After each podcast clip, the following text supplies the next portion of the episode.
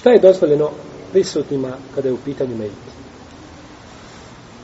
Dozvoljeno je da otkriju njegovo lice i da ga poljube.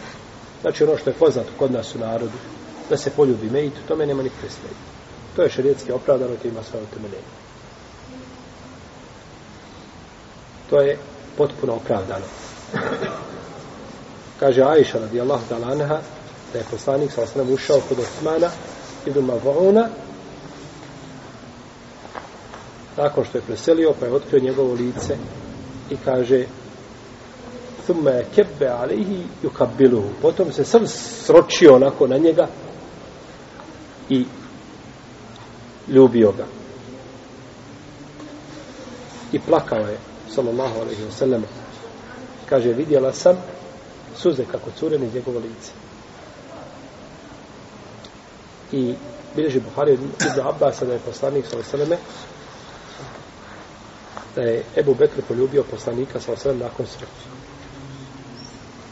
A Resulullah sa osram kaže u hadisu koga bi hakim Iktedu bi hadeni min ba Ebu Bekr Omar. Sledite ovu dvojicu posle mene, Ebu Bekr Omar. Pa je znači da se poljubi mejt, u tome nikakve smetnje nema. S tim da je mejt, znači, osoba koja je mahrem, osobi koja je ljubav. Ne da čovjek dođe i da poljubi svoju komšinicu. Bez obzira bila mlađa ili starija žena, ne može.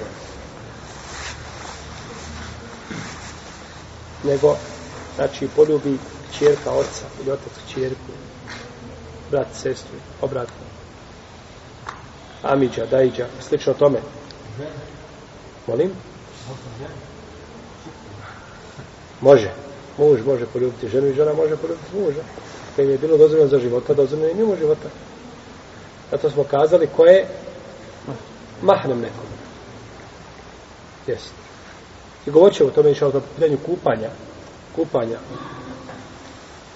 žene od strane muža i muža od žene kada dođemo do toga problema